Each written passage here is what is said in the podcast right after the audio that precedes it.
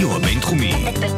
בינתחומי. 106.2 FM. הרדיו הבינתחומי. הרדיו החינוכי של המרכז הבינתחומי. לקום ישראל. 106.2 FM.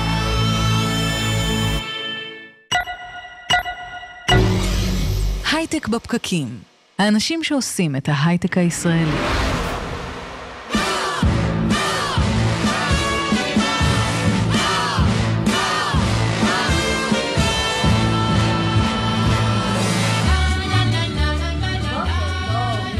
חמישי. בוקר טוב, יום חמישי, 14 ביוני 2018, הייטק בפקקים.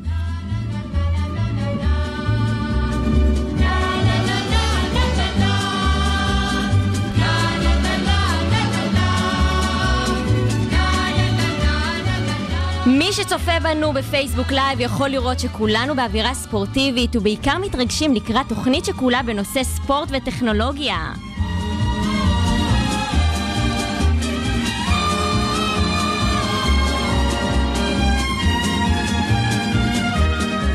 הנה לכם מספר עובדות מעניינות על המונדיאל. המשחק הראשון צוחק לראשונה באש בשנת 1930. בטורניר זה זכתה נבחרת אורוגוואי. אחת התוצאות הזכורות הינה 7-1 לגרמניה על ברזיל בחצי הגמר בשנת 2014. ואם כבר מדברים על תוצאות, שיאנית הזכיות היא ברזיל עם חמש אליפויות עולם. היום ישודר המונדיאל בפעם הראשונה ברוסיה, נאחל לקבוצות המון הצלחה.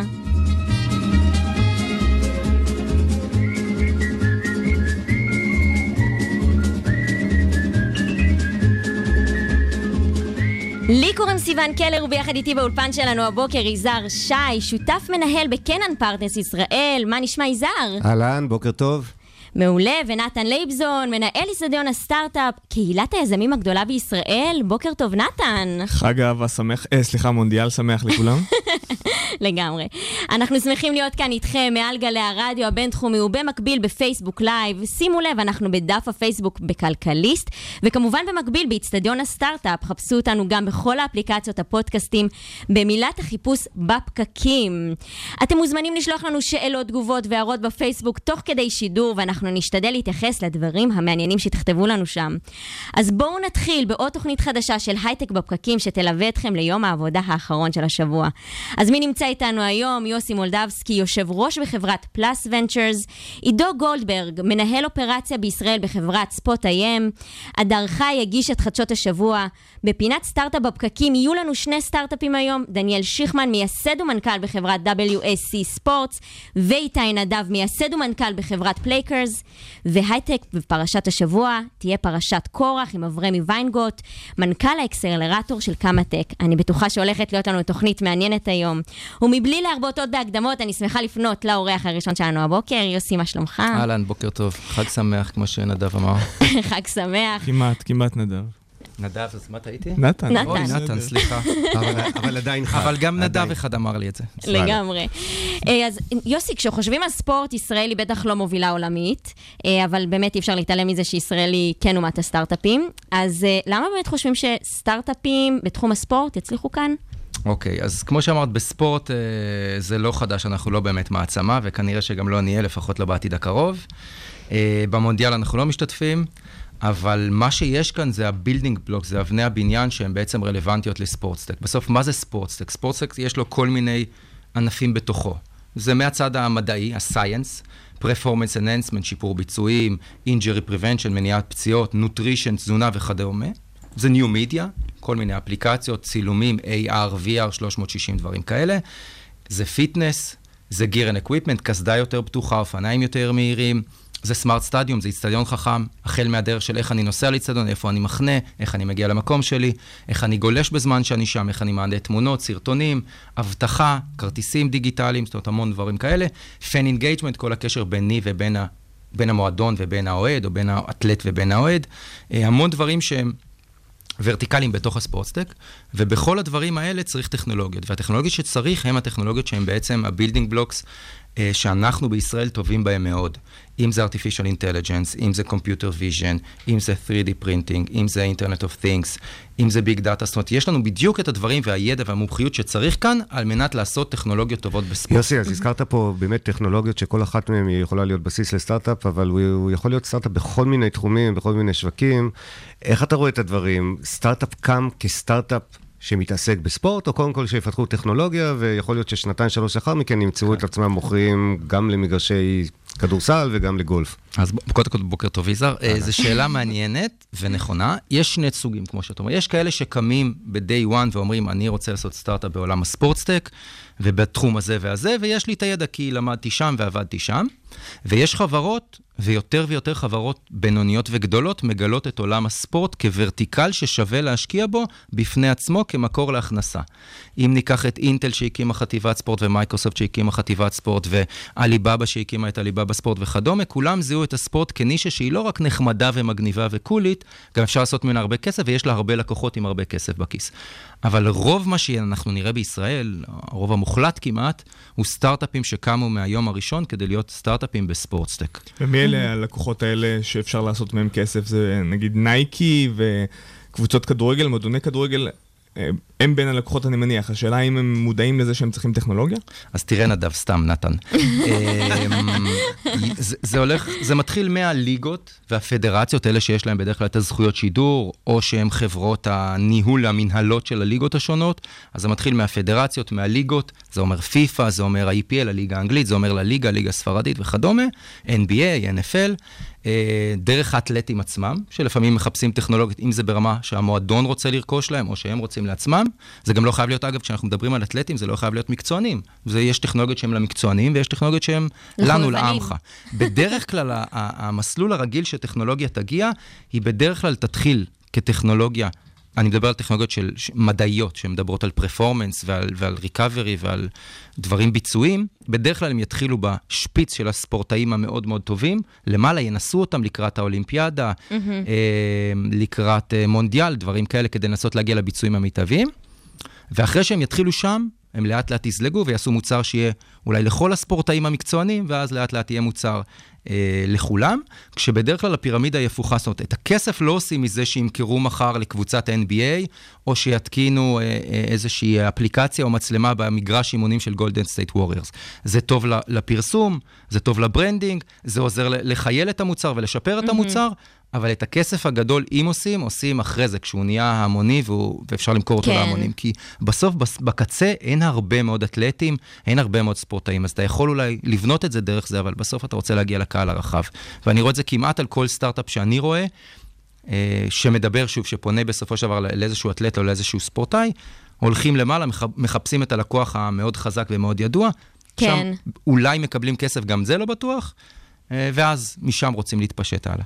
אה, נגעת באמת אה, חב- בחברות שאתם, אה, שאתה נפגש איתן. אתה יכול לתת דוגמאות באיזה סוג חברות השקעתם? כן, קודם כל, אה, אה, יש לי את פלאס ונצ'רס, שזה ה vehicle הקיים שלנו כבר שנים לא, לא מעטות, שדרכו השקענו, אתם תראו את דניאל ותשמעו על WSC ספורט, שאנחנו המשקיע, זכינו להיות המשקיע הראשון שלהם. חברה נוספת קצת צעירה יותר, שגם מתקדמת יפה, נקראת אינסאונדס, שאנחנו המשקיע הראשון שלהם. אז אלה חברות שעשינו דרך פלאס ונצ'רס, יש עוד סטארט-אפ אולי שהוא מהסוג שיזהר הזכיר, סטארט-אפ גנרי בעולם הטלוויזיה, אבל שרוצים לקחת אותו גם לוורטיקל של ספורט. אמ, אז אלה הסטארט-אפים שהשקעתי דרך פלאס ונצ'רס, מה שאני עושה היום, אני מקים קרן חדשה dedicated אה, לספורטסק, נקראת Home Run Ventures, ובהמשך למה ש... לכמה שאלות ששאלתם, אז בעצ- בעצם למה צריך קרן כזו? אמ, רגע, אז יוסי, למה צריך קרן כזו? אוקיי, שאלה טובה. אה, לא חשבתי על תשובה, כן. אבל עכשיו אני אנסה לאלתר משהו. אמ, אז ככה, קודם כל, אין, אם אתה יזם ספורטסטק וקמת בבוקר ויש לך רעיון או רצון להוציא מיזם בספורטסטק, עד כמה שאני מכיר, אין כתובת. יש הרבה קרנות בישראל, אנחנו כולנו מכירים את הקרן שלך, את הקרן שלי ועוד הרבה קרנות אחרות וטובות. יש חממות, יש אנג'לים, יש קרנות של, של CVCs, של מולטינשיונל, של גופים גדולים, אבל אין מקום שאתה בא אליו בבוקר ויודע להשקיע בספורטסק. מה זה אומר יודע להשקיע? יכול להיות שתקבל השקעה גם מגוף אחר, אבל אם אתה רוצה לקבל את הידע, את הניסיון, את היכולת לחבר אותך לשותפים אסטרטגיים, לדברים כאלה, קשה למצוא את זה בישראל. הערך המוסף בעצם. נכון. המטרה שלנו הייתה גם להיות הבית הראשון שיזמים יבואו כשיש להם רעיון ב sports tech, הם ידעו שהם באים להומרן ונצ'רס, וגם להיות מסוגלים לבנות להם את הקשרים ואת הדברים הרלוונטיים. אה, היושב ראש של הקרן שלי למשל זה אלכס גלעדי, שאני חושב שהוא ה sports executive הכי בכיר, הישראלי הכי בכיר, הוא 32 שנה כבר סגן נשיא של NBC ספורטס, אחראי.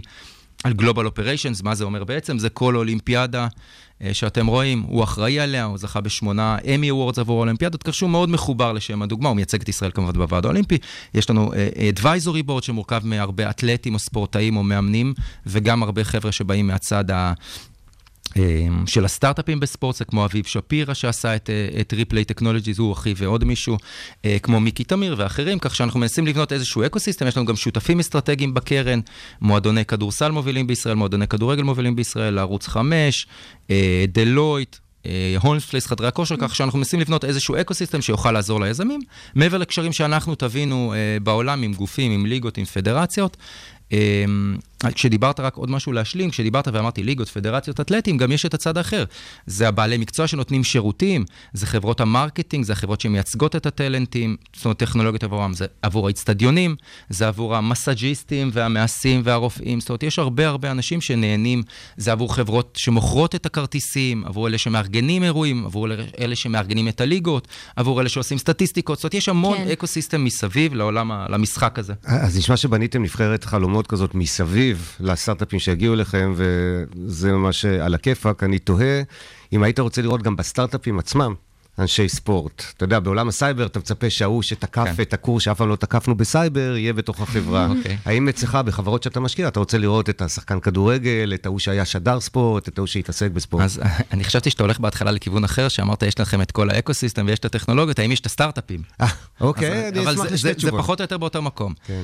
קודם כל, כי זה, זאת גם בדרך כלל השאלה הראשונה שאני נשאל, זאת אומרת, האם באמת יש מקום להקים קרן של sports tech בישראל? האם יש מספיק סטארט-אפים של sports tech? אז אני יכול להגיד לכם, כן, יש הרבה מאוד. זה לא כמו סייבר לצורך העניין, אבל יש יותר ויותר. אמ, ואני חושב שחברות שמצליחות, כמו Minute Media, 90min, כמו PlaySight, אה, כמו WSC ספורט, כמו ריפליי, נותנות יותר ביטחון גם ליזמים וגם למשקיעים, להבין שיש כאן תחום גדול, מתפתח, ושכדאי לרוץ ולהתקדם בו. אה, אז זה בעניין הזה. שאלת אותי על, בעצם על יזמים, מי היזמים שבאים לעולם הספורטק. כאן יש יתרון ואולי מצד שני חיסרון מסוים. לא כולם ספור, ספורטאים לשעבר. לא כולם ספורטאים לשעבר, וצריך להבחין בין התחומים. אמ, למשל, מי שיבוא לעשות סטארט-אפ בתחום ה sport science, מדעי הספורט, בדרך כלל יהיה מישהו שגדל באקדמיה, איזשהו דוקטור, איזשהו מישהו שפיתח משהו, איזשהו מישהו שמבין טוב מאוד את העולם הפיזי שלנו, אה, והוא בדרך כלל יבוא מהעולמות האלה. מצד שני, מי שנגיד יפתח אפליקציה או יפתח איזושהי טכנולוגיה ל fan engagement, הוא בדרך כלל, הוא דווקא בא אולי מהכיסא של האוהד, שישב בבית וחשב על איזשהו צורך, שנסע לאצטדיון ואמר, חבל שאין א', ב', ג'. אמ, מי שבא מעולמות ה computer vision יעשה בדרך כלל את הסטארט-אפים שיודעים לזהות, כמו WSC Sports, שיודעים לזהות מה קורה על המסך, לתת לנו ערך מוסף, סטטיסטיקה, חיתוכים, כל מיני דברים כאלה. זה מאוד תלוי באיזה תחום. יש משהו שקיים בעולם ה sports tech שלא קיים בעולמות אחרים, לפחות שאני נתקלתי, שחלק מהיזמים באים מעולמות האלה. Mm. מאמנים לשעבר, שחקנים כן. לשעבר. שם הרבה פעמים דווקא אני מזהה סוג של חיסרון, או לפעמים, לא הרבה פעמים. כי זה שהיית ספורטאי מעולה, אתלט מעולה, מאמן מעולה, אולי אתה עדיין, לא הופך אותך ליזם הייטק טוב. זה כנראה מראה, מראה שאתה יודע להיות יסודי, זה כנראה יודע, אומר שאתה יודע להיות רץ למרחקים ארוכים, שזה הכל דברים שחשובים לטכנולוגיה, אמ, שיש לך מבחינת האופי, את מה שצריך. זה לא אומר שאתה מכיר את העולמות האלה. זאת אומרת, אם באת לעשות סטארט-אפ והיית מאמן כדורסל מעולה, ואגב, דיוויד בלאט למשל הוא אדוויזור אצלנו, אמ, אז oh. זה לא אומר שתדע מחר בבוקר להקים סטארט-אפ. ואני מעדיף, באופן כללי, אם אני יכול לבחור, אני כמובן אבדוק את המיזם ואבדוק את, ה, את היזם עצמו, את קבוצת היזמים, אבל אני מעדיף שיבוא יזם שהיה לו רקע בעולם ההייטק. שלמד את זה, שעב, שהיה בצבא, שעבד באיזה חברת מולטינשיונל גדולה, אחרי זה אולי עבד באיזה סטארט-אפ גדול, ואז הוא יבוא ויש לו את הידע, הוא מכיר את המילים, הוא יודע איך עושים מכירה ללקוח, הוא יודע איך נראה חוזה, הוא יודע איך נראה תהליך פיתוח, הוא יודע איך מאפיינים מוצר. ואת הידע בספורט אתם, אתם כבר תביאו ותעזרו לו. מי שהיה מאמן כדורסל מצוין, הוא לא בהכרח יודע איך בונים product טכנולוגי, לא מבחינת המוצר הטכנולוגי, מבחינת לשווק אותו לקהל, לא מבחינת איך לגייס לו כסף והרבה הרבה דברים אחרים, אז לפעמים יש להם איזשהו חיסרון מסוים.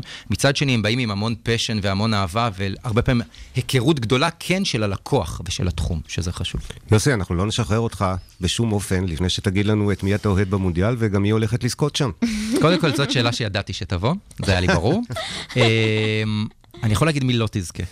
ישראל לא תזכה. גם אנגליה לא תזכה. גם, איטליה לא תזכה וגם הולנד, כי הן לא משתתפות לצערי. בדרך כלל הולנד הייתה הפיבוריטית שלי במונדיאלים. אבל גם מי לא זוכה? אה, היא גם לא היא- תהיה היא שם. לא משתתפת אפילו כן. לצערנו. כן. אה, אני חושב שיש מונדיאל מאוד מעניין, משום שהוא פתוח באופן יחסי. אין בעיניי נבחרת באמת, כמו שבדרך כלל מסמנים, היו שנים שסימנו את ברזיל ושנים שסימנו את גרמניה, אז גרמניה היא טובה, אבל יש לה את הבעיות שלה, ספרד, מאמן שפוטר. אה, בלגיה לדעתי, אני מקווה שסוף סוף בלגיה תמיד מגיעה עם המון כישרון, ובסוף אה, נשארת עם כישרון, ומעבר לזה, אני מאמין שבלגיה השנה, אה, או במונדיאל הזה, סוף סוף תתחבר ותהיה נבחרת טובה. זה פשוט, אגב, אפרופו תשתית ואיך יש לנו הייטק כל כך טוב, בסך הכל היא מדינה של 8 מיליון איש, אז בלגיה היא דוגמה, אולי גם אורוגוואי היא דוגמה, בלגיה מדינה של, לא יודע, 11-12 מיליון איש, פשוט נבחרת מדהימה, הנבחרת הכי יקרה ברמת שחקן, אם עוברים שחקן, שחקן, מה השווי שלו, זו הנבחרת הכי, בעלת הערך הכי יקר, יותר מברזיל וארגנטינה וכולם. ארגנטינה, כרגיל, אני חושב שכל הזרקורים יהיו על מסי, לדעתי מסי סוף סוף יבוא למונדיאל ו- וידלבר. אני הולך על ארגנטינה או בלגיה, אם אפשר לבחור שתיים. וואו, טוב, אנחנו נביא אותך. לפה יום לפני או יום אחרי הסיום. כן. תביאו אותי רק אם נצליח, רק אם זה יצליח. תודה רבה, יוסי. בבקשה.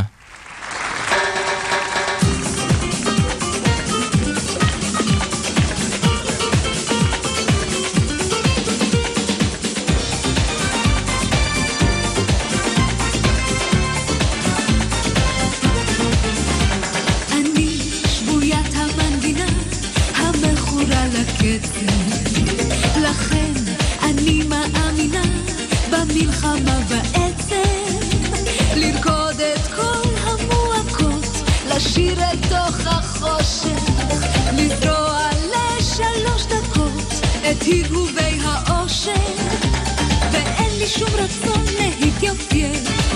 ההתנשאות הזאת היא קטע מעייף ולא אכפת לי לצפצף כי המשחק עושה לי כיף בסך הכל נעים וטוב לי לחפף עם גיטריסט ומתופף ועם קלידן שמתחצף ועם סיכוי אחד לאלף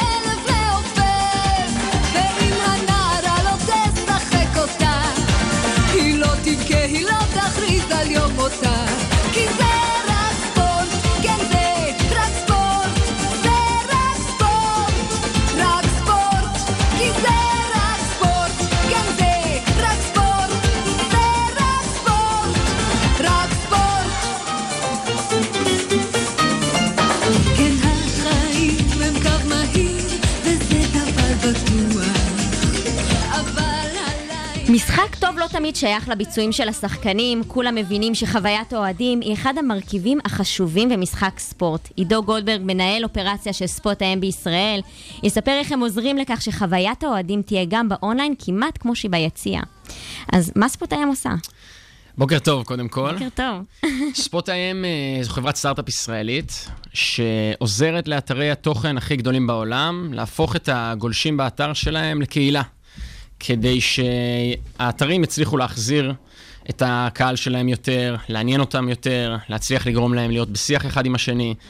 אה, אז זה מה שאנחנו עושים, אנחנו עובדים גם, בין היתר, עם אתרי ספורט גדולים וגם... בעצם סוג של איזושהי אלטרנטיבה לפייסבוק, שלא רק נהיה בפייסבוק כל היום, אלא גם באתרי התוכן שאנחנו גולשים, אז נהיה באינטראקציה איתם יותר עמוקה.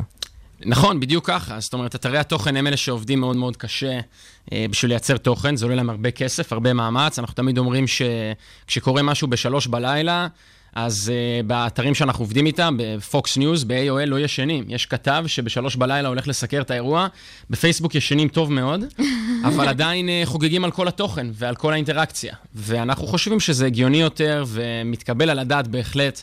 שאת הקהילה ואת האינטראקציה נעשה ממש גם באתר של ה publisher. ועכשיו בעצם נוצר שיתוף פעולה, או בעצם לקוח חדש שנכנס אצלכם, ואולי בצורה מפתיעה, כי לאו דווקא פניתם לשוק, אבל כן זה נוצר, צ'לסי, מועדון כדורגל אנגלי יוקרתי, לא שאני אוהב אותם, אני אוהד קבוצה אחרת, אה, רמז, אה, אבל אה, אתם עושים מזה עכשיו שיתוף פעולה. אה, מה, מה, זה, מה זה בעצם השיתוף פעולה הזה?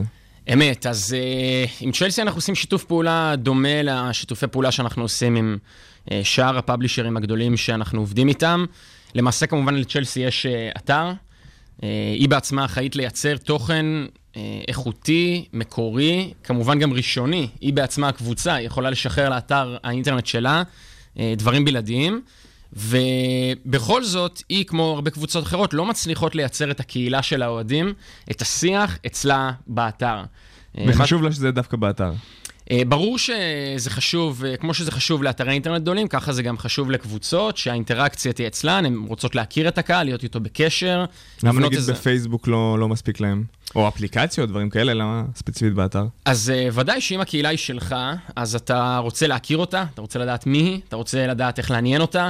יש הרבה מאוד דברים שצ'לסי יכולה לעשות, אם היא רק uh, תייצר קהילה פורה אצלה, תכיר את האנשים, תראה מי מובילי ה- דעת הקהל בקהילה של האוהדים שלה. את כל הדברים האלה היא לא יכולה לעשות בפייסבוק, כי פייסבוק למעשה נותנת לה אפס גישה, אה, אפס יכולת להשפיע אה, על הקהילה שלה שם.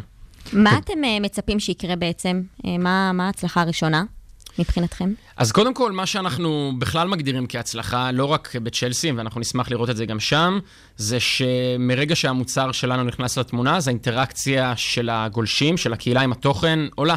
וזה מה שאנחנו רואים בכל האתרים שאנחנו עובדים איתם, ובטח בצ'לסי, שמראש יש קהילה חזקה, קהילת אוהדים של אה, כדורגל, גם בתור אוהד כדורגל, אני יודע, אה, אוהבים להיות באינטראקציה, מאוד פשנט על התוכן, אז אנחנו בהחלט מצפים לראות שהקהל של צ'לסי והקהילה אה, תתחזק ותעשה אינטראקציה הרבה יותר משמעותית עם התוכן. אני חייב לשאול אותך, תגיד, צ'לסי, בכל זאת, זה פאוזה, דרמה, סימן קריאה, תופים. יש תופים, כן.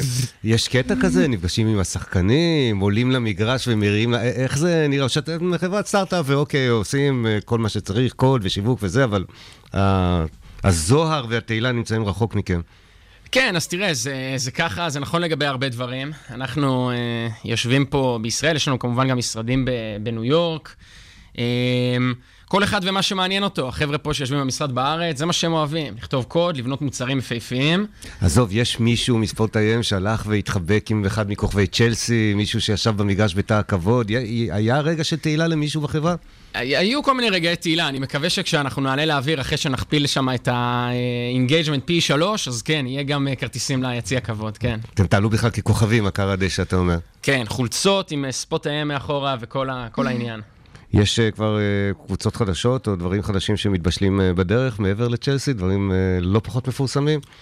אז תראה, אנחנו כל היום, בעצם כל יום עולים לאוויר עם אתרים גדולים. אנחנו עובדים גם עם אתרי ספורט מאוד גדולים, עם סקאי ספורט. עכשיו עלינו לאוויר עם NBC, יש להם גם כמובן לא מעט תוכן ספורט באתר, אז עובדים עם לא מעט אתרים. עכשיו השקנו קהילת מונדיאל חדשה ב Fox News, אחד האתרים הגדולים בארצות הברית, אז אנחנו... כבר התחילו להיות דיונים מעניינים שם לגבי המונדיאל? Uh, תמיד יש דיונים מעניינים, כן, התחילו להיות דיונים מעניינים. האמת שארצות הברית, שזה רוב, ה, רוב הגולשים, למשל ב Fox News, לא נמצאת לצערנו השנה במונדיאל, יש להם קהל, אה, קהל יפה. האמת, אני זכיתי לראות אותם משחקים בברזיל ב-2014, אז באמת יש להם קהל מאוד פשנט. אה, אבל כן, אבל מדברים הם גם על חושבים ש- כדורגל. הם חושבים שהם רואים פוטבול גם כשהם רואים כדורגל. נכון, אבל האמת, הכדורגל תופס שם תאוצה. אנחנו רואים את זה גם במספרים, האמת. בישראל יש לכם איזשהו עניין, אפילו בקטע הציוני או ספורט ישראלי, כדי לקדם, לתרום לקהילה?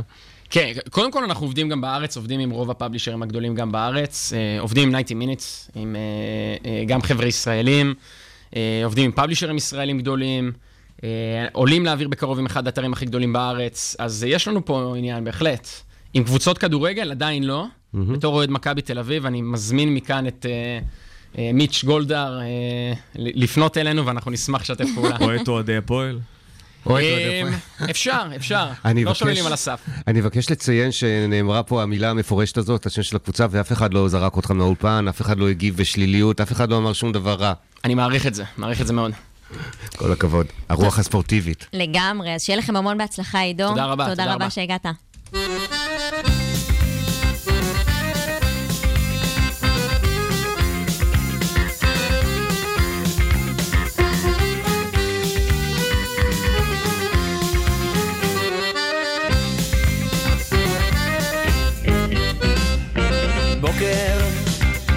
צהריים, ערב והיום נגמר, שמש מטפסת ונופלת ועכשיו מחר. סתם קיוויתי שתבואי אליי ונפתור איזה תשבץ. רק רציתי שתבואי אליי. ונאכל תפוח עץ או סקס אז אנחנו בתוכנית שכולה סובבת סביב נושא הספורט, בואו נראה מה חדש בעולם הסטארט-אפים. יזהר, תגיד, אה, מי השחקן אה, כדורגל האהוב עליך? אה, בואי נחשוב. אני חושב שאיניאסטה, שלצערנו הודיע על הפרישה שלו וחגג ביחד עם אה, איצטדיון שלם, אבל אחד מהשחקנים הגדולים והחביבים בכל הזמנים, ללא ספק. לגמרי. אז אה, קודם כל, תאר לעצמך שתוכל לראות את כל הרגעים הגדולים שלו בצורה האיכותית והמקצועית ביותר במהלך המשחק. אז מסתבר שאתה כבר לא צריך לדמיין. מי שנמצא איתנו היום זה דניאל שיכמן, מייסד ומנכ"ל חברת WSC ספורטס, שיספר לנו באמת על הסטארט-אפ שלו. אהלן, מה העניינים? מה נשמע. דניאל? חג מונדיאל שמח. אכן חג... מתחילים, רגע, אה, שים לך לא, צעיף, לא, לא, שים לא, צעיף. לא. רגע. הקהל צופה.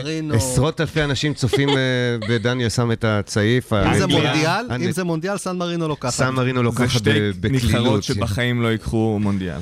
אוקיי, ועכשיו שעברנו את הדעות הקדומות, אז אם אני רוצה לראות שחקן מסוים שלי ולראות את המהלכים החשובים שלו, אני יכול להיעזר בכם כדי לצפות ברגעים היקרים לי במשחק? כן, אה, בגדול מה שהחברה עושה, היא פיתחה פלטפורמה שיודעת באופן אוטומטי ובזמן אמת אה, לייצר תוכן שמותאם לכל אוהד אה, ולכל פלטפורמה דיגיטלית. בעצם אנחנו עוזרים לבעלי זכויות שידור, הלקוחות שלנו זה NBA, FIBA, PGA, קריקט אוסטרליה, בעצם גופי הספורט הכי גדולים בעולם, לייצר תוכן באופן אוטומטי, תוכן שמותאם לכל אוהד, לכל פלטפורמה. אה, המערכת מתבססת בעצם על אה, יכולות של עיבוד תמונה, עיבוד אודיו, ובעצם מבינה מה קורה בכל אה, רגע במגרש באופן אוטומטי, וברגע שהיא מבינה מה קורה, היא יודעת לייצר תוכן שהוא מתאים לכל אוהד, ובעצם עוזרת לגופים האלה גם להשיג את הרבה יותר צפיות, הרבה יותר engagement, ולעשות כסף על התוכן הזה. אז בואו נדבר על חוויה שלי כמשתמש. היו שבוע שעבר, נגמרו למרבה הצער משחקי ה-NBA.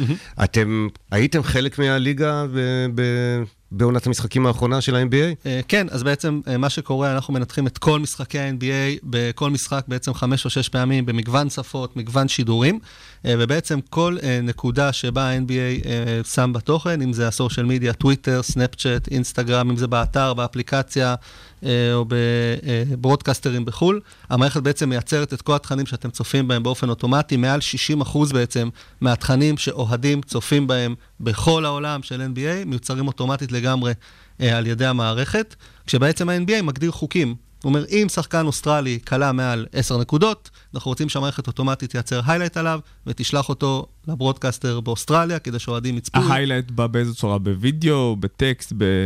הוא בא באודיו? בווידאו, רק בווידאו. כן, החברה היא חברת וידאו, מייצרת את הווידאו, היא שמה אוטומטית overlay ים וגרפיקות. אז אמרת משהו. מעניין, אז בעצם הם מגדירים חוק, אבל אם השחקן האוסטרלי לא קלע למעלה מ-10 נקודות, אתה זורק את זה לפח. אז זה אומר שאתה צריך לשמור את השידור ואתה יודע לעבד אותו תוך כדי אה, תנועה. נכון, אנחנו בעצם אה, מאחסנים אצלנו כבר ארבע עונות של NBA בכמויות תוכן מטורפות, הכל מאונדקס, הכל זמין, הם יכולים גם היום לבוא ולהגיד, בא לנו לראות את כל הפעולות המדהימות של עמרי כספי ולשלוח את זה לערוץ הספורט, אם הם רוצים לבוא ולקדם משהו. כמובן, הם אה, בצורה מסורתית לא היו הולכים ומייצרים תוכן על עמרי כספי או על שחקן צרפתי כזה או אחר, אה, אבל ברגע שהמערכת פשוט עושה את זה בלחיצת כפתור, הם מייצרים אז כל הזכויות האלה נשארות של ה-NBA? או נכון. שאתם גם יכולים לעבוד פרטנית מול אותם שחקנים אה, אחרי כמה שנים? אה, אז הזכויות הן של ה-NBA, בעצם היום זכויות ספורט זה התוכן הכי יקר בעולם, ואנחנו בעצם המנוע שמאפשר להם לבוא ו- ופשוט להשתמש בו בצורה הכי חכמה בכל פלטפורמה דיגיטלית שהיא. תגיד, זה, זה נשמע כמו טכנולוגיה די מדהימה, היא ספציפית לסוג מסוים של משחקים? למשל, אם אני רוצה לראות uh, מהלכים בכדורגל או בגולף, זה מחייב אצלכם שינויים, או שמבחינתכם משחק זה משחק? אה, לא, המערכת ממש לומדת את רזי המשחק כשהיא באה ומנתחת. אנחנו בעצם באים, זה, זה מבוסס על Machine Learning, וכל משחק אה, משודר בצורה אחרת וערוך בצורה אחרת. אנחנו ממש מלמדים את המערכת להבין מה חשוב בספורט מסוים, מה מעניין, מהו סיפור, מהו היילייט, וזה מותאם per ענף ספורט. כיום אנחנו תומכים בעשרה ענפי ספורט. אה, תן דוגמה, למשל, כדורסל? אמרנו. קריקט הודי נורא מעניין אותנו. יש כאן. גם את הקרלינג, מה עם קרלינג? קרלינג עדיין לא, למרות שכבר התחילו לדבר איתנו על זה שזה משעשע, אבל אה, יש את, כמובן את החשודים המיידיים, שזה כדורסל, כדורגל, אה, פוטבול, בייסבול, יש לנו קריקט, יש אפילו גלישה, יש Counter-Strike. וואלה. כן, אז אה, אז בעצם כל... מה עם- e-games? יש לנו ויכוח באולפן תמיד, האם e-game אה, ו e-sport זה נחשב ספורט או לא. כן, אז, אז ב Counter Strike, אה, אה, אולי, אבל אני לא אה, חלק מזה, אבל Counter Strike... Counter Strike נחשב ספורט. אפשר לומר שבחלק מהמקומות כן, אה, אנחנו שמחים לתת שירות גם ל Counter אה, Strike, זה? מזהה את כל היריות, את כל הדברים שקורים והכל, אה, כן. אתה רציני? אה, זה עולם בזה. אז אני פשוט, וואו, אני חושב על זה, אז באמת אה, שמה אולי זה עולם ומלואו חדש, שכל החבר'ה האלה שרוצים להתגאות ב- במהלכים כן. המבריקים שהם עשו, כשהם איגפו את הבית מימין וירו בדיוק. משמאל. מדהים. בישראל יש לכם איזשהו קהל, או השוק המקומי לא מעניין אתכם? אה, לא, אנחנו ישראלים, השוק מעניין אותנו. אה, ליגת הכדורסל בישראל היא לקוח שלנו אה, מזה כמעט חצי שנה. היום אה, יום גדול, מעבר למונדיאל, אה, גמר ליגת העל בכדורסל. אה, ספורט. מי מנצח? מכבי? אה, נראה לי שמכבי ינצחו בגלל המסורת, אבל אה, אולי יהיה אין דאבל לדעת. היסטורי. כן, אולי יהיה דאבל היסטורי. אפשר גם לעבור על אה, אירועים לא ספורטיביים? אני רוצה לראות את כל אה, העבירות החמורות והלא ספורטיביות, למשל שרמוס עושה במשחק נגד אה, ליברפול. אני יכול לעקוב אחרי שחקן ברמה הזאת? כן, אנחנו מקטלגים כל פעולה, גם מי השחקן שעושה אותה, אנחנו גם מדרגים אותה, כלומר, נותנים חמישה כוכבים אם זה אירוע מדהים, וכוכב אחד אם זה אירוע משעמם, ובעצם מאפשרים אה, גישה ממש מלאה לכל דבר שקרה. מכיוון שסיוון פה מאותתת שאנחנו צריכים לסיים, איפה WC בעוד חמש שנים? איפה אתם רואים את, את העתיד שלכם? אה, אתה יודע, יזמים צריכים להגיד הצהרות מטופשות, אז אני אשאר בזה. אז אני חושב שכל תוכן ספורט שכל אוהד אמור לראות בכל פלטפורמה שהיא, אמור להיות מיוצר אוטומטית באופן שמותאם אליו אה, על ידינו. בכדור הארץ ומאדים. כל מקום שהוא. בכל מקום. לא הייתה פה הסתייגות. שיהיה המון בהצלחה, דניאל אה, שכמן. תודה רבה, היה כיף. כל ביי הכבוד.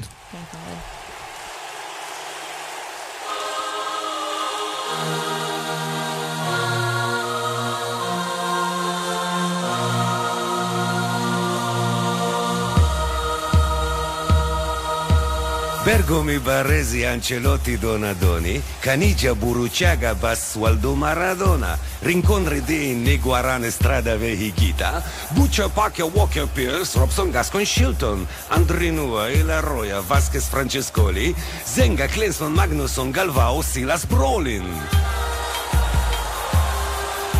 Van Dichelen, Van Brokelen, Van Schriwimki, Van Basten, McCoys, McLeish, McStay, Malpas, Machinelli, Johnston, Ruben Paz, Ruben Sosa, Ruben Terera, De Leon Dominguez, Perdomo, Herrera. Branco Dunga ale Mauricardo Vecareca, Vichre Kuman Julit, Alzamendi, Ufonseca. Fonseca. כן, בוקר טוב גם לך, זיזה שחיבר סעדה, בוקר טוב לגיל ורסוקלר שמנפף לנו ידו, וגם את שושי מזרחי. אה, טלי ווגל אומרת, אהבתי את האופנה בהייטק בפקקים, יש לכם אופנה יפה, החבר'ה עם הצעיפים. פרננדו חימנס אגילר מדבר על חמאס רודריגס, אל מכורדה אל מונדו, הוא כותב בספרדית, הכי טוב בעולם, והוא מדבר על קולומביה כאלופת העולם. יש לי איזושהי חשיבה בנושא הזה, אבל למה לא נפרגן לך? בוקר טוב לכם מאזינים.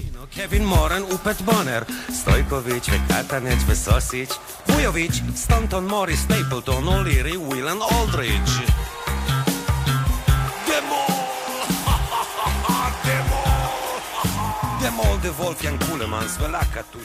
אז מי שנכנס אלינו עכשיו זה איתי נדב, מייסד ומנכ"ל בחברת Playcrs, אבל רגע לפני שנתחיל, אולי נשים פה איזה ג'ינגל. סטארט-אפ בפקקים. לגמרי. אז אה, אומנם אנחנו מדברים הרבה פה על אה, ספורט שהוא מקצועי, אבל מה קורה עם הספורט החובבני? זו שאלה מצוינת, אה, סיוון.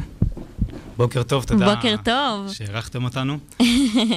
אז באמת, אה, איך אתם מצליחים לשנות פה את כללי המשחק, נקרא לזה ככה? מה, מה אתם עושים?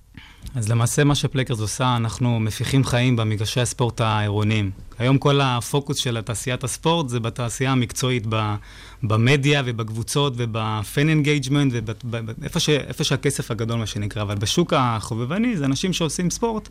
אה, בחבר'ה, pick-up sport, אנחנו קוראים לזה, אז השוק הזה נזנח. ובעצם יש היום, יש היום אה, משולש בעצם שאנחנו קוראים לו של אה, הזדמנות, של טרנד ובעיה. הטרנד הוא בעצם זה שיש תהליך של עיור. אנשים עוברים, ש- 60 אחוז עוברים אה, ל- אה, לערים, ובעצם אה, יש טרנד של אה, פעילות קהילתית. אנשים רוצים לצאת מהחדרי כושר ורוצים לעשות פעילות אה, אה, ב- בקהילה, במיוחד על אה, כדורגל, כדורסל, טניס, יוגה, כל הסוגי ספורט. דבר שני, ההזדמנות זה בעצם שה... הספורט הזה לא השתנה, ספורט uh, חברתי של uh, בקהילה לא, לא התפתח במאה השנים האחרונות. אנחנו הולכים לשחק כדורגל עם החבר'ה, ויש uh, שערים ואנחנו עושים מנהלי פקקים וכדור. זהו. איפה כל הטכנולוגיות, ספו, הצילום, המדיה, באמת הקונטנט? חסר. אנחנו תמיד אחר כך רוצים בריפליי לראות את הגול הזה, ואף פעם... נכון. את הגול של הילד בן החמש שרץ... אה, פעם הבאתי. אחלה של מספרת, ואף אחד לא היה שם לצלם. אז אין לי הוכחות. נכון, אבל אבל הייתה. אבל לא צילמת? זה לא היה. בתור סיפור, נדב, אה, כלומר נתן, זה בסדר. תודה, שי. תודה. זאת בדיוק הנקודה, האמת. רגע, אז אתם באמת רוצים להפוך את האירועי ספורט הקהילתיים למשהו יותר יש פה טכנולוגי? שני דברים? לייצר קודם כל חוויה חדשה במגרשים, במקום שאנשים יעמדו עם הטלפון ויצלמו את זה וינסו לתעד את הר- הרגעים, בואו נביא את כל הטכנולוגיות המדהימות שיש שם בעולם המקצועי, נביא אותם למגרשים, והכל יהיה אוטומטי, יהיה קונטנט, תהיה ויראליות, יהיה, יהיה דברים מדהימים במגרשים, זה דבר אחד. ודבר שני זה הבעיה ש... בסוף אין מספיק מגרשים לציבור. עשינו על זה גם כתבה בכלכליסט עם אוריאל דסקל. בעצם הסדרי עדיפויות של המגרשים, קודם כל אין מספיק נדל"ן, אין מספיק מגרשים ביחס לתושבים, ודבר שני, הסדרי עדיפויות הולכות קודם כל לחוגים, למועדונים, לקבוצות, ובעצם הקהילה בשעות הערב ובסופה שהם נזנחים, וגם המגרשים סגורים ונעולים. תגיד, אתם צריכים שיתוף פעולה הדוק עם העיריות, עם המועצות המקומיות, נכון? זה לא משהו שאתם יכולים סתם לבוא לאיזה מקום ולהגיד, אנחנו כובשים ומשפרים. נכון. בעצם איך זה... זיקקת את תמצית האסטרטגיה של החברה, שזה... ואיך זה עובד? אני פשוט מדמיין אתה- אני גר במועצה מקומית קטנה כזאת. בסוף אתה מגיע ואין כסף ואין אנשים ולא יודעים, ו... נכון. טוב, שמע, קודם כל ישראל זה תמיד קצת שונה, כי מועצות בישראל זה... זה מועצות בישראל. זה מועצות בישראל. אז אתם עובדים עם מועצות בחו"ל. אנחנו מכוונים uh, לערים אורבניות גדולות, שיש אוקיי. להם uh, אוכלוסייה גדולה. אז uh, בישראל ה-use cases זה ירושלים, שיש להם כמעט מיליון תושבים, תל אביב. בחו"ל כמובן שמדברים בסדרי גודל, ובעצם לייצר אימפקט על ידי זה שאנחנו משתלטים על יתרון לגודל, על כמות נדל"ן. ברגע שאנחנו משתפים פעולה עם עירייה, יש לנו מאות אם לא עשרו, אה, אלפים של מתקנים שיכולים פתאום להיות נגישים לציבור, והחזון של החברה, שמה שאנחנו עושים היום, זה בעצם להפוך מגרשים לחכמים. בגלל שיש תלות בגורם אנושי, שצריך לפתוח את השער ואת התאורה, וזה לא cost efficient ל- לעירייה ל- לפתוח את המגרש, אנחנו באים ונותנים להם פתרון שהוא סימלס, בואו, על ידי מגרש חכם, תפתחו את המגרש 24/7, והציבור בעצם יוכל אה, לשחק יותר. ועם כמה לעולם. עיריות אתם כבר עובדים ברחבי העולם? אה, התקלת אותי, סתם. אנחנו בעצם בשלב pre-seed, אנחנו עובדים. לפני שמונה חודשים יצאנו, אנחנו עובדים פה עם העיריות הכי גדולות ב- בישראל, תל אביב, אה, ירושלים, חיפה, נתניה, מעל 100 מגרשים, ובעצם עכשיו אנחנו לוקחים חלק, אה, סיימנו בדיוק מחזור של Fusion LA בקליפורניה, אנחנו בדיוק מתחילים עכשיו פיילוטים בעצם אה, באזור אה, בארצות קליפורניה. הברית? כן. באיזה מגרשים? באיזה ב- סוג של מגרשים זה אה, לא משנה לכם? זה יכול להיות בייסבול, זה יכול להיות כדורגל? כן, אה, בייסבול גם נופל, כרגע 80% מהמגרשים שלנו זה מגרשי כדור, זאת אומרת כדורגל, אוקיי. כדורסל, טניס Mm. כאלה, ועכשיו אנחנו מתחילים גם להתרחב לסטודיואים, והחזון שלנו זה גם לפתוח את הכיתות, אה, כל הנדלן העירוני של כיתות. של בתי ספר שבכלל לא מנוצלים, ואפשר גם לעשות שם... אה, וזה פעילות. באמת מעניין הנקודה הזאת של העבודה עם העירייה, כי הרבה סטארט-אפים אה, נרתעים מזה, שומעים עירייה, וואי וואי וואי וואי, בוא נעזוב את זה בצד. אז יש לך- טיפים אה, לסטארט-אפים ויזמים שרוצים לעבוד עם עיריות, או הבדלים בין הארץ וארצות הברית שאתם כן, אז? כל סטארט-אפ שרוצה אה, לעבוד עם עיריות, אז אני מציע לו, אל. אל- תעשו את זה, לא. האמת. שזה קונבנציה ידועה, סטארט-אפים לא רוצים לעבוד עם עיריות. מבחינתי זה, זה גם אתגר, אבל זה גם הזדמנות, כי זה בעצם שוק שהוא מתפתח, כל השוק של הסמארט סיטי. העיריות מבינות שיש פער בעצם... שאין ברירה. כן, יש פער מאוד גדול אה, בין ה... איך שהעיריות מתנהלות לבין החברה. החברה התקדמה דיגיטלית בקצב מטורף. כן. והעיריות נשארו מאחורה לפני 30 שנה. אה, ונכון, זה, זה קשה לעבוד עם עיריות, התהליכי רכש הם אה, מאוד אה, ארוכים, זה לפעמים יכול לקח- לקחת שנה כדי להתחיל לעבוד עם עירייה וכדי לסגור פיילוט. וואו. אבל ברגע שעושים את זה, אז אתה כבר בפנים, ו... איתי, מעניין אותי פשוט איך זה עובד, נניח עכשיו אני מישהי שמחפשת אה, בקהילה הקטנה, באזור עמק חפר, ל... ללכת ולשחק אה, טניס. או עם, אה, בברקלי. או בברקלי. או בברקלי, כן. בקהילה הקטנה פה- המפוארת של כן, עמק חפר. הבאת פה ספוילר. אבל אה, כן, אז אני בקהילה שלי רוצה ללכת עם, עם חבר'ה מהקהילה, ללכת לשחק במגרש טניס. איך זה עובד? אז זה בצורה מאוד פשוטה, כמובן, יש לנו כמו סוג של Airbnb, גם אפליקציות מובייל, גם אפליקציות ווב. את נכ- את נכנסת, מורידה את האפליקציה, את יכולה גם למצוא מגרשים וגם פעילויות, ובלחיצת כפתור להצטרף, לשלם גם אם צריך עם הפעילות uh, בתשלום. בסוף באמת זה, זה החזון של החברה. את עכשיו טסה לסינגפור, ואת uh, יורדת מהמטוס, יש לך כמובן. במזוודה את הביגוד ספורט שלך, נכנסת כן. לפלייקרס, מחפשת איזושהי פעילות מקומית ומצטרפת ונהנית מהתרבות uh, הספורט המקומית. יפה מאוד, בסדר גמור. אז אה, איתי, שיהיה המון המון בהצלחה עם כל העיריות, גם בק... בקליפורניה, עם ה... אה, עכשיו עם מה שפתחתם שם, אה, ואנחנו נחכה לשמוע איך היה. בשמחה, תודה רבה. בהצלחה. בלבל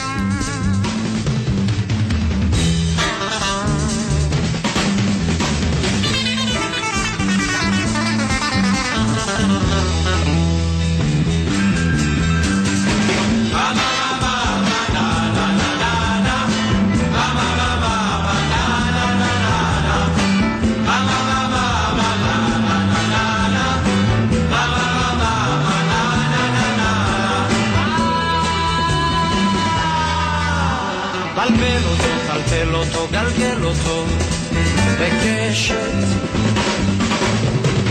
כדרר אותו, סחרר אותו, שחרר אותו ברשת.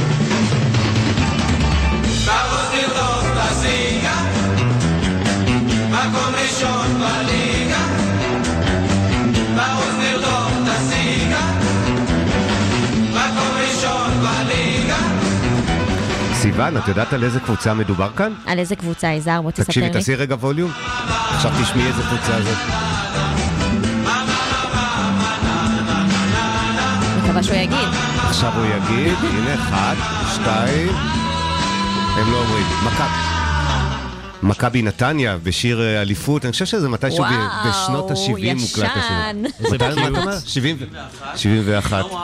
ושלום- אה, שלמה ארצי עם מכבי נתניה. אנחנו מפרגנים, יאללה נתניה. לגמרי.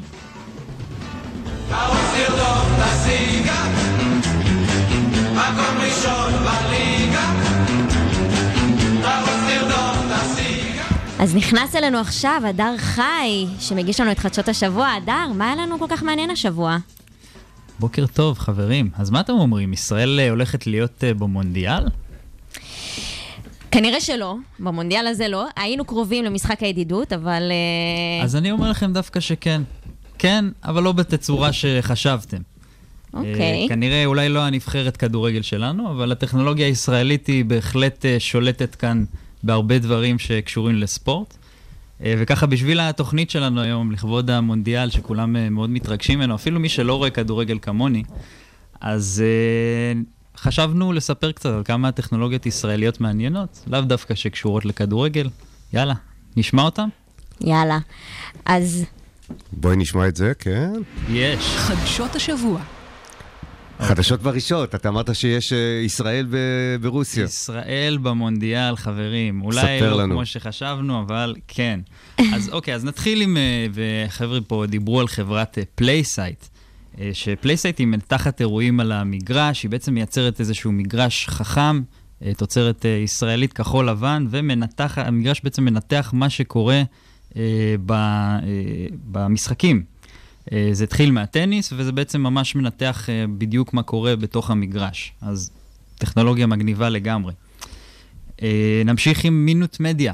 Minute Media היא גם טכנולוגיה שמאפשרת שיתוף תכני ספורט על ידי אוהדים, כמו תמונות, סרטונים והצגת הזווית האישית שלהם על אירועי הספורט. זאת אומרת, יזהר עכשיו במשחק של הפועל נגד מכבי, והוא רוצה לעלות סלפי ולהגיד מה הוא חושב ולדבר אה, עם אחרים, אז הוא בהחלט יכול לעשות את זה.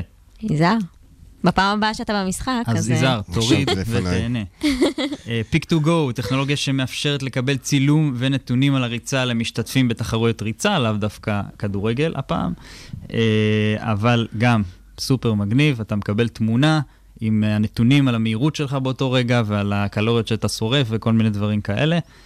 אה, כלומר, פה כבר מדובר עליי כספורטאי חובב, לא בהכרח על השחקן כן. שרץ על קר הדשא. מי שמשתתף בתחרויות אה, ריצה, אתה יודע מה, אל תתפוס אותי במילה, אבל לדעתי זה גם תחרויות שהן אה, פתוחות לציבור הרחב, כנראה שזה הכמות המטורפת של להציל את... האנשים, אה, ואתה מקבל... כן, אתה יכול להציל את כבודך האבוד, כיוון שהצהרת שאתה לא הולך למשחקים, תגיד שאתה רץ, שאתה... הנה, זה מיועד. עבורך. לא, בהחלט. כן, בשבילי זה מצוין. הגעת לאולפן פה הבוקר בריצה קלה, נכון? לגמרי. אני גם משחק טניס, אז גם פלייסייט מתאימה לי. מדהים. וואי. טוקבוט, לצ'וטט עם מועדים לפני ותוך כדי המשחקים וליצור תוכן בזמן אמת. פיקסלות, שימו לב לדמיונות בשמות. היה לנו... כולם הולכים על פיקסלים, אה? פיק to go, והיה לנו טוקבוט, ועכשיו יש לנו פיקסלות, אוקיי? זה כאילו שילוב כזה. הם לפני אה, המיזוג, זה ככה נשמע. כן, כן, בדיוק. אז פיקסלות זה מערכת לצילום פנורמי, עיבוד והפקה אוטומטית של שידור אירועי ספורט לחובבים. זאת אומרת, כל הזמן מדברים רק על הספורט המקצועני, או, או במקסימום על ספורט מכללות, ועכשיו אנחנו הולכים לשדר בעצם אירועי ספורט לחובבים. אז uh, ככה סיקור קצר של כל מיני טכנולוגיות כחול לבן, אז אולי בכדורגל אנחנו עוד לא הכי טובים, אבל לפחות יש לנו דברים בטכנולוגיה אנחנו שאנחנו מככבים לגמרי. לגמרי מככבים. ואולי החדשה המ- המעניינת פה היא שבאמת טכנולוגיות ספורט הולכות ותופסות אה, תאוצה, אה, וזה משהו שבאמת בגלל זה התפרסמו כתבות על זה לאחרונה. ואפרופו שידורים, חברת לייביו, חברת אה, שידורים כבר הרבה שנים משדרת מכל האולימפיאדות שגם בהם לא היינו, וחלקם כן, וגם מאליפויות, ובטח גם באליפות העולם הזו, אז הנה, עוד חברה ישראלית שמשדרת ונמצאת במונדיאל. מדהים. כיף לשמוע. מפרגנים לכולם. עוד משהו חדש, אה, הדר? כן, אז קצת חדשות אה, בעולם הספורט, שזה משהו לא רגיל כל כך שאנחנו עושים, אבל אנחנו... יש מונדיאל היום. בין היתר. סנסציה. זה אייטם שהוא שלי. זה... הבאת את זה, מקור, כן, מקור אני לא בלעדי. זאת החדשה הראשונה כן. שיש מונדיאל היום, למי שממש לא מחובר. אה, אז אה, שיחת, ה, שיחת השבוע הייתה על באמת הפיטורים של אה, מאמן נבחרת ספרד, שפיטרו אותו ככה יומיים לפני, ומה בדיוק קרה. אז מה שקרה שם, יומיים אה, בלבד לפני המשחק אה, מול נבחרת פורטוגל, יו"ר ההתאחדות הספרדית, אה, לואיס אה, רוביאלס, הודיע היום על פיטוריו של המאמן, אה, בגלל המינוי המפתיע לריאל מדריד, בעצם אה, שהוא לא ידע עליו. אה, ומי שמחליף אותו הוא המנהל הטכני אה, פרננדו היירו, שבאמת אה, זה משהו שהוא אה, די סנסציוני, ככה לפטר מאמן אה, לפני, התוך, אה, לפני המשחקים. במיוחד שהוא מנצח גם. כן, גם ספרד זה נבחרת כן, פייבוריטית. מאוד. אין סנטימנטים, סופר מקצוענות, אני דווקא מצדיע. מה דעתכם? אה, סבבה, אז... אה, ע- עולם ההייטק פולש אל, אה, אל מחוזות הספורט מהבחינה הזו, התנהלות ממש מקצועית. דווקא כשההסתכלות שלנו היא לא רגשית, אנחנו לא מחוברים שם לאף אחד, כן. רובנו לפחות. אה, פיטרו בן אדם כי החליטו שיש מישהו טוב ממנו לעשות את העבודה. שאפו. לגמרי. אפרופו, שימו לב, וישראל, כדורגל ופוליטיקה ועסקנות אה, הולכים אה, יד ביד, לא רק כדורגל, כל הספורט, וכנראה זו אחת הסיבות המרכזיות שאנחנו נראים כמו שאנחנו נראים. מי שלא עושה כמו שצריך, כן. אין סנטימנטים ואין אה, עניינים. בסדר גמור, הדר חי, תודה רבה על החדשות המעניינות השבוע. תודה לכם, שבת שלום.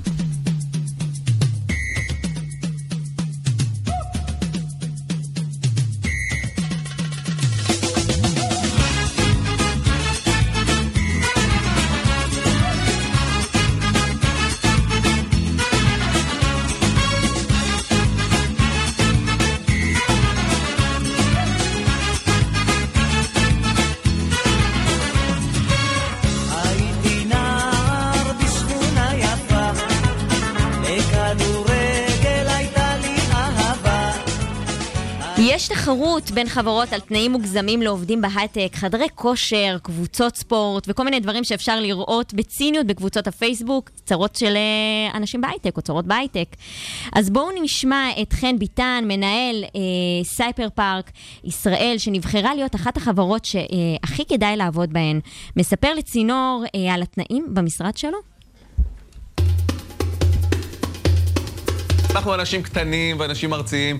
ספר לנו על כל הפינוקים וההטבות שיש לעובדים שלכם בבניין החדש. יצרנו פה חדרי קונספט, כולל חדר כושר, חדר מוזיקה, חדר משחקים, אה, חדר טיפולים ו- וכדומה. המטבחים שלנו מלאים בכל טוב. כן, אה, הייטק בכל זאת. אה, אתם מכירים את קבוצת הפייסבוק צרות בהייטק? בטח.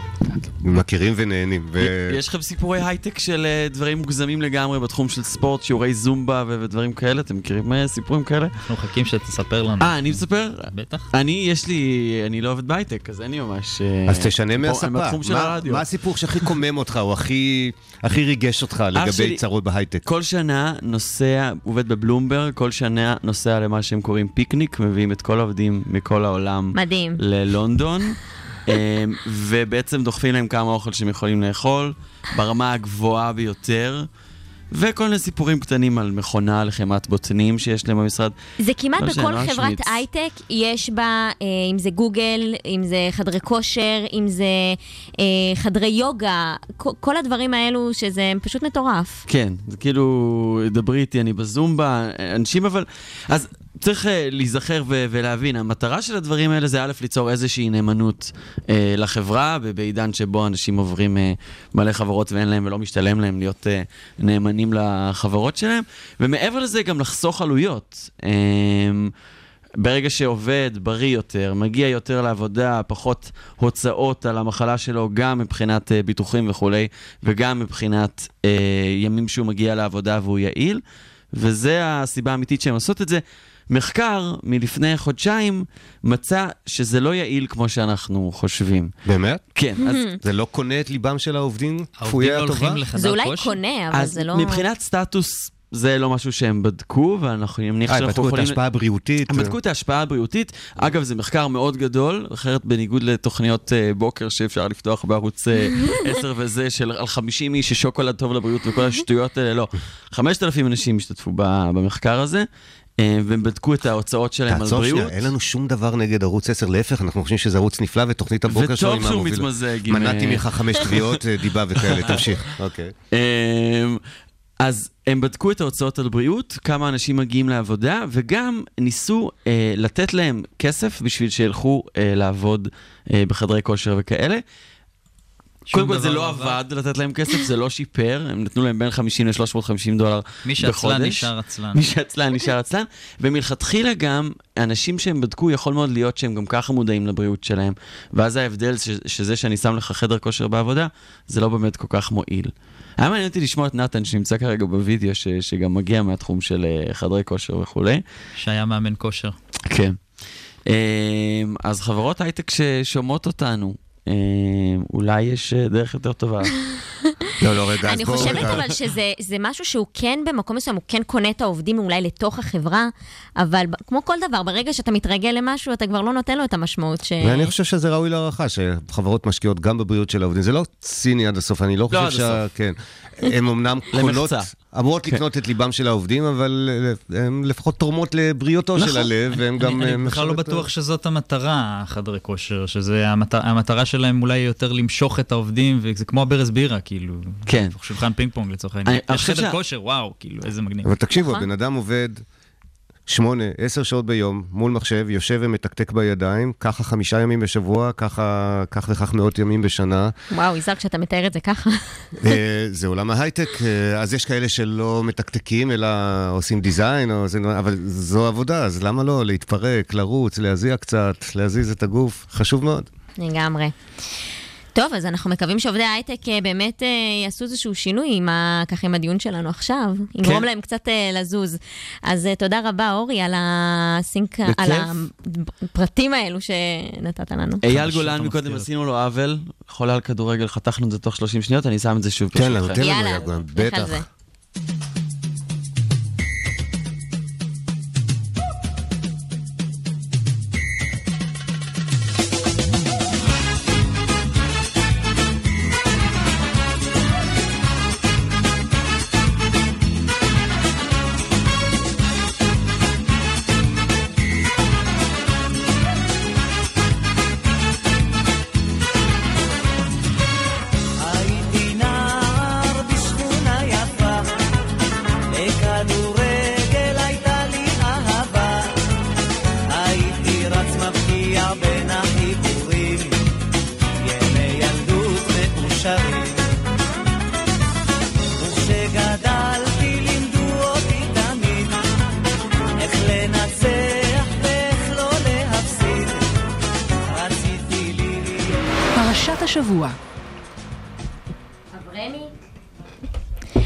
אז אבריימי ויינגוט נכנס אלינו עכשיו לאולפן עם פרשת קורח. יפה. אז בוא תספר לנו באמת מה הפרשה אומרת. בדרך כלל יזהר מקריא לנו את הפסוק הראשון, מה קרה אתה רוצה? אני בחרתי כמה פסוקים שדי אה, ריגשו אותי בעניין הזה. בוא נשמע. אה, ואני, יש לי אפילו פרשנות שחשבתי להגיד, אבל אני אני יאללה, אעצור אותה. לא, לא, לא, שאתה. בכלל לא, אבל הנה מה שאני בחרתי. ויהי ככלותו לדבר את כל הדברים האלה. כוח, בא ומתלונן, הוא מלין, הוא מביע טר- טרוניה וכולי. רק כשהוא גמר לדבר, ותבקע האדמה אשר תחתיהם. ותפתח הארץ את פיה, ותבלע אותם ואת בתיהם, ואת כל האדם אשר לקורח, ואת כל הרכוש, וירדו הם וכל אשר להם חיים שאולה, ותכס עליהם הארץ, ויאבדו מתוך הקהל. דרמה. זה ריגש אותך? זה בעיקר מעציב. לא מעציב בכלל, הבן אדם מתלונן. תקשיב, משה עבד קשה, לקח אותם ממצרים, עלה להר, נתן להם את הדיברות, חזר למטה, שבר את הכל, הלך חזרה למעלה, ואתם מתלוננים? כן, אבל עדיין זה מעציב, גם העונש הוא מעציב.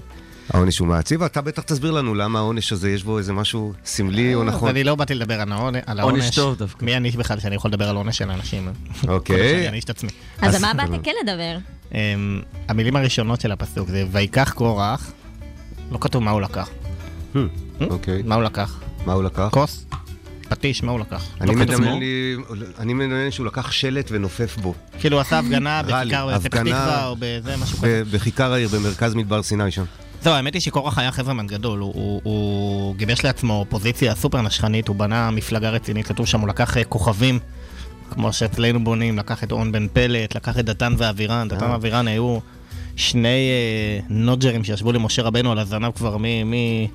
מ- מתקופת אה, הוא יציאת לקח את מצרים. ההוא עם הרקע הביטחוני, ואת ההוא עם הרקע הסלבריטאי. וההוא שידוע. נכון, היה לו גם מפלגה ממש, היה לו 250 ראשי מטות, כלומר היה שם ראשי מפלגות. וחברי חברי מרכז וכל מה שצריך בשביל העניין, ואז הוא הגיע להתלונן.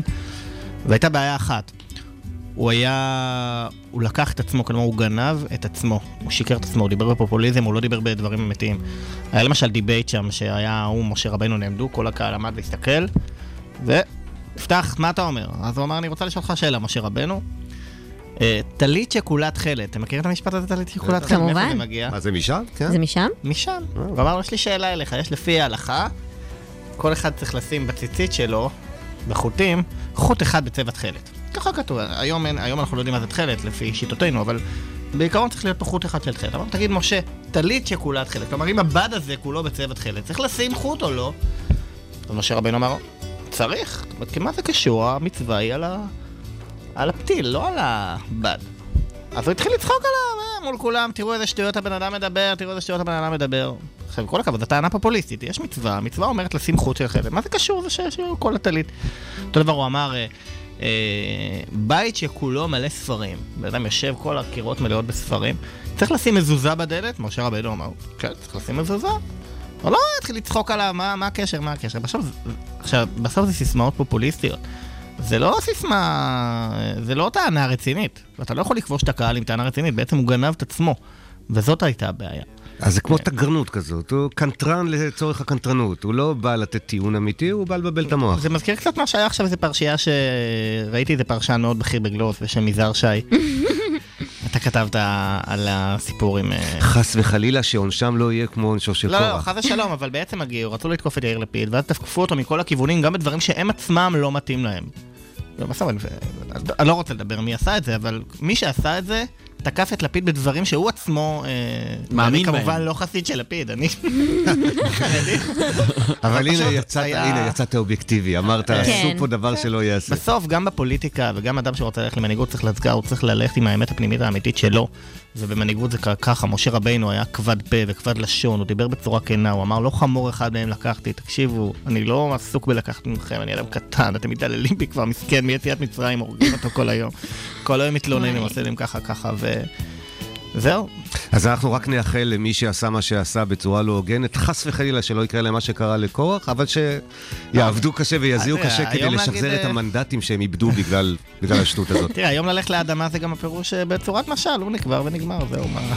טוב, אז חברים, אנחנו מתקרבים עכשיו לקראת סיום. אברמי, תודה רבה על ה... תודה, בהצלחה על הצעיפים. תודה. אופנה חדשה. אז דברי סיום, יזהר. אני רושם לפניי שאברמי וינגוט עשה פה עסקה היסטורית עם אה, אורי, למי שלא שמע, כי לא יכולתם לשמוע, ביקשנו מאברמי לשים עליו צעיף, והנה הוא. נוגע בצעיף, הוא לא שם אותו. בעיה, בסדר. והנה, אברמי ויינגוט עם צעיף אבל עליו, שבוע וזה הבא אומר נתן תפילין. כן, ואורי טולדנו, כל לעומת זאת, נתן. התחייבות לשבת עם- תפילין בשידור, אנחנו נבדוק את זה. לגמרי. הוצא מהקשרו. אה? לא, אני אומר, לא יושב בשידור, אני מניח אה, תפילין. אנחנו אבל נוציא דברים בהקשרם, אנחנו ברדיו פה, אנחנו נועדנו להוציא דברים מהקשרנו.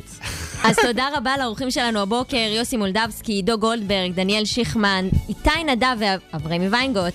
מפיק הדיגיטל שלנו היום שקד דמבו, מפיק ראשי הדר חי מסושיאל ואלי ועורך המוזיקה באולפן, כמובן אורי טולדנו. תודה לכלכליסט על שיתוף הפעולה.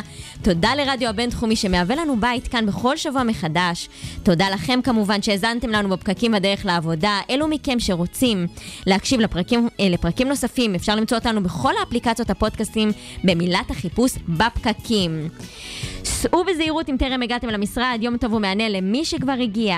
ביום חמישי הבא נחזור אליכם שוב עם אורחים חדשים ואנשים שעושים כמוכם את ההייטק הישראלי. אנחנו הייטק בפקקים, להתראות בשידור הבא.